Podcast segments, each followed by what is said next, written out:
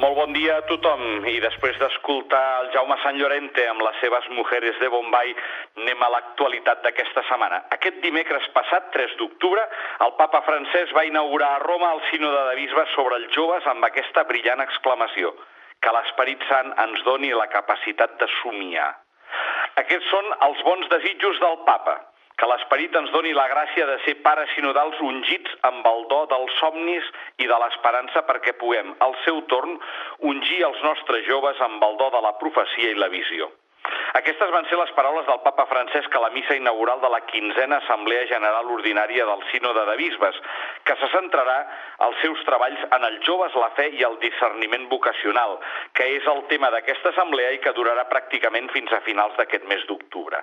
Tal i com molt bé ens explicava la redactora de Vatican News, Maria Cecilia Mutual,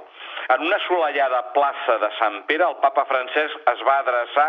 als presents congregats invocant el començament de l'homilia l'Esperit Sant,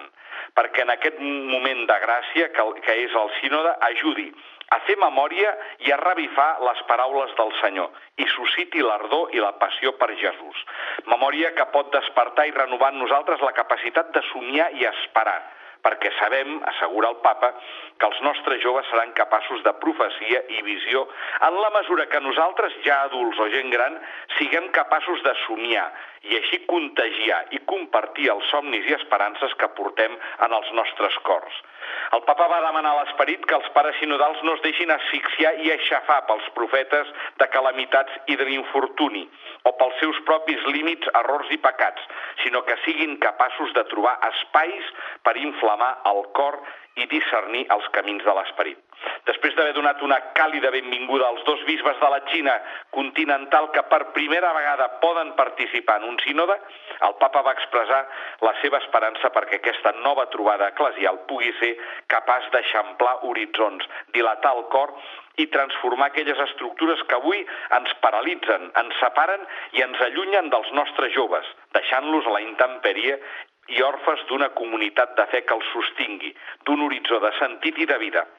L'esperança ens desafia, diu el papa, ens mobilitza i trenca els conformismes del sempre ha estat així i ens demana que ens aixequem per mirar de cara al rostre dels joves i les situacions en què es troben. La mateixa esperança ens demana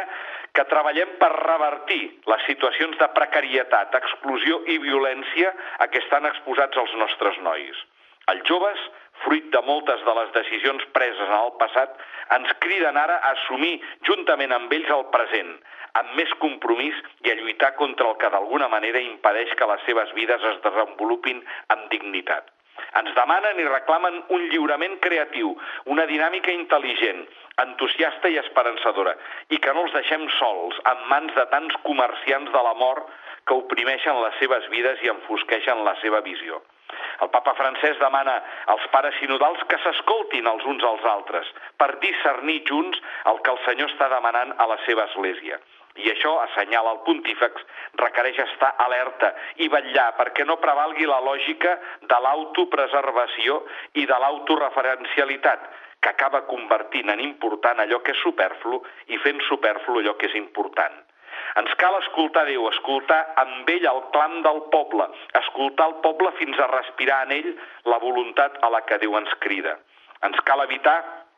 la temptació de caure en posicions eticistes o elitistes i també en l'atracció per ideologies abstractes que no es corresponen mai amb la realitat del nostre poble. Aquí és on el papa va citar el missatge als joves del papa Pau VI al final del concili Vaticà II a mitjans dels anys 60, on deia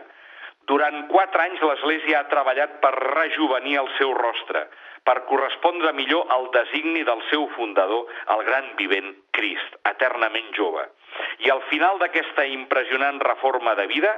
es dirigeix a vosaltres, és per vosaltres, joves, sobretot per vosaltres, que l'Església amb el seu concili acaba d'encendre una llum, llum que il·luminarà el futur, el vostre futur. I el papa francès va concloure tot dient pares sinodals, l'Església us mira amb confiança i amor. Molt bon diumenge a tothom.